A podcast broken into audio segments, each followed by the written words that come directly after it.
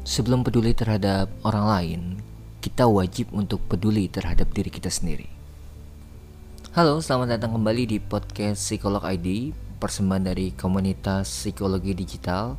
Dan pada episode kali ini, saya akan membahas tentang self-care.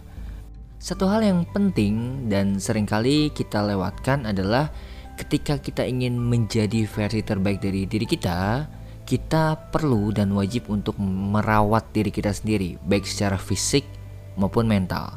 Dan inilah yang disebut sebagai self-care. Self-care adalah bentuk atau wujud dari kepedulian kita terhadap diri kita sendiri. Jadi mungkin terdengar egois ya bagi orang lain kenapa kita harus fokus kepada diri sendiri, tapi idealnya inilah yang perlu kita lakukan sebelum kita peduli terhadap orang lain. Karena sikap kita terhadap orang lain tanpa disadari adalah bentuk dari refleksi pribadi kita. Jadi, ketika kita peduli terhadap diri kita sendiri, akan lebih mudah untuk kita memunculkan kepedulian terhadap orang lain. Salah satu istilah yang cukup saya sukai adalah hanya orang yang sudah selesai dengan dirinya sendiri yang pada akhirnya bisa bergerak untuk membantu orang lain ya, untuk mengembangkan pribadi orang lain. Nah, dalam self care ini yang kita gali dan kita kembangkan adalah penghargaan terhadap diri sendiri, kemudian kepercayaan diri yang ideal, kemudian bagaimana kita mencintai diri kita sendiri. Berikut ini adalah beberapa contoh self care yang bisa kita lakukan. Saya akan merangkumnya menjadi empat poin. Yang pertama adalah mindset yang positif. Ini mungkin terdengar klasik, tapi memang segala sesuatu itu dimulai dari apa yang kita pikirkan. Coba kita perhatikan mood atau keadaan kita seharian. Banyak hal yang sangat dipengaruhi oleh bagaimana kita berpikir untuk memulai hari ini.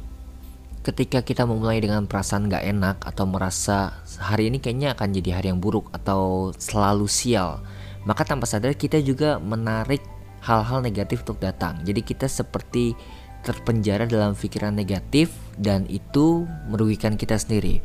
Atau di sisi lain, ketika kita memulai hari ini dengan pikiran yang lebih positif, satu hal yang biasa saja itu bisa jadi keberuntungan yang tidak terduga.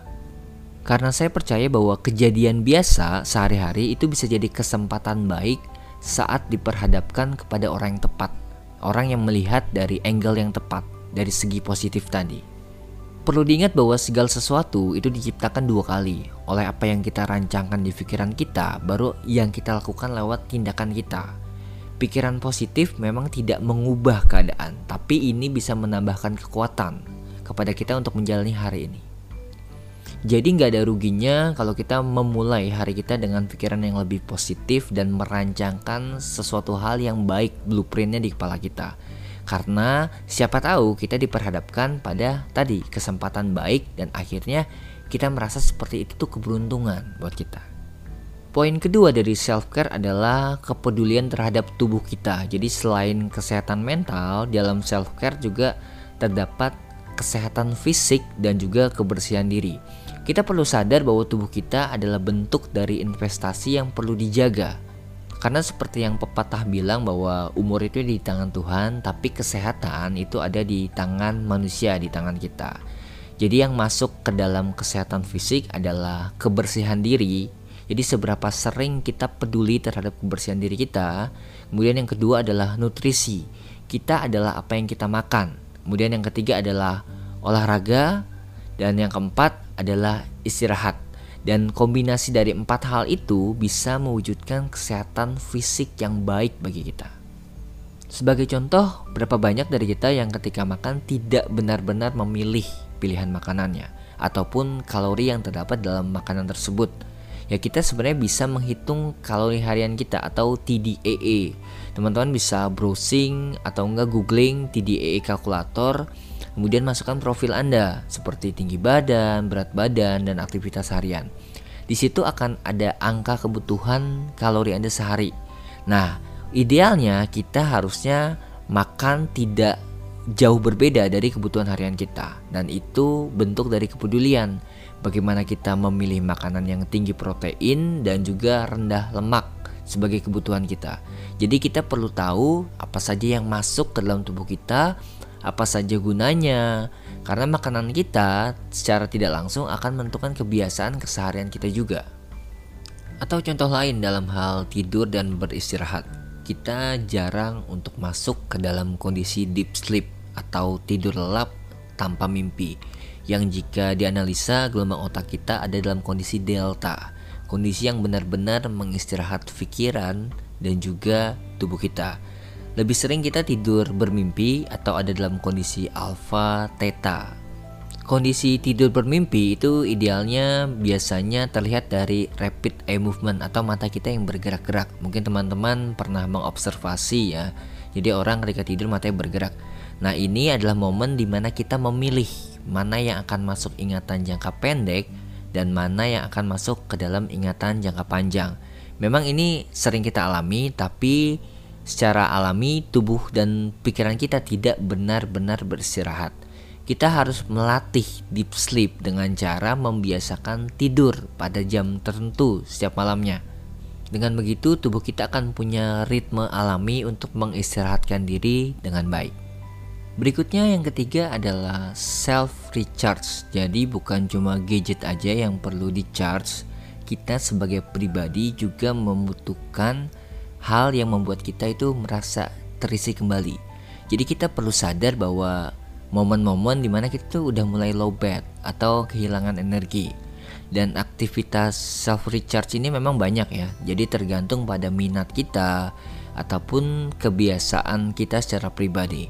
Sebagai contoh ada orang-orang yang menyukai aktivitas me time Seperti misalnya santai nggak melakukan apa pun Melakukan meditasi ataupun spiritual activity Seperti berdoa atau beribadah.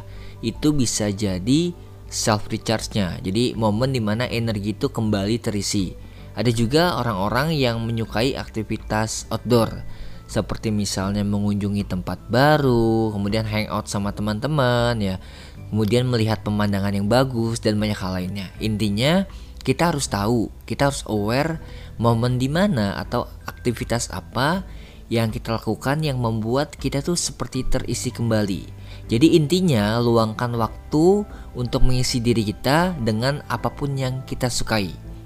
Bekerja dan beraktivitas itu memang penting untuk hidup, tapi jangan lupa hidup yang tidak kita nikmati ya tidak kita menikmati dengan baik itu juga kurang efektif dan kurang ideal.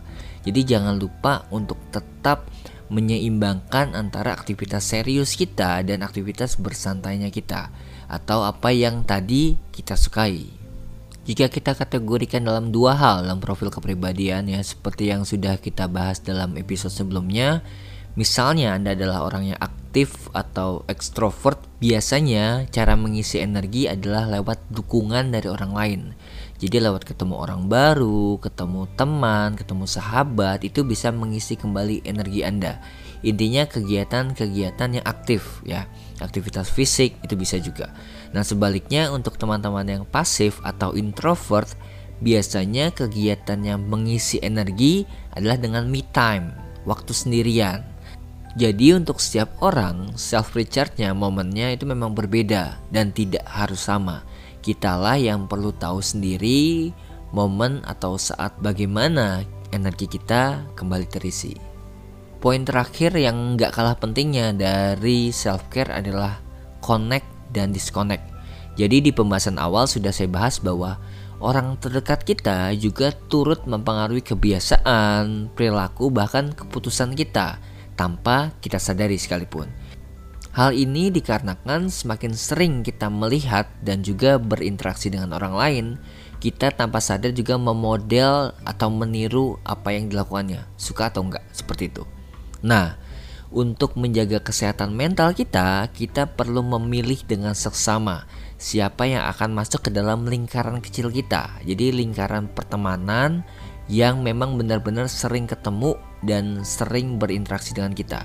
Kita boleh berkenalan dan menjalin relasi dengan banyak orang, tapi pisahkan mereka yang berdampak baik dan berdampak kurang baik dalam diri kita, atau orang-orang yang memang gak ada dampak apa-apa dalam hidup kita. Sama halnya dengan sosial media, jadi di era teknologi ini kita juga perlu selektif, jangan sampai malah membuat hidup nyata kita ini terganggu. Jadi ingat apa yang ditampilkan di sosmed sebagian besar hanya persona atau topeng sosial. Jadi bagaimana orang lain itu ingin dianggap atau dipandang oleh teman-teman atau orang lainnya. Jadi nggak perlu ragu untuk menggunakan fitur mute ataupun unfollow bagi orang-orang yang memang kurang berdampak baik buat diri kita. Mungkin membuat kita iri, membuat kita semakin tidak nyaman. Teman-teman boleh stop untuk mengikuti mereka. Dan bukan berarti kan kita kalau nggak temenan di sosial media tidak berteman di dunia nyata. Itu dua hal yang berbeda.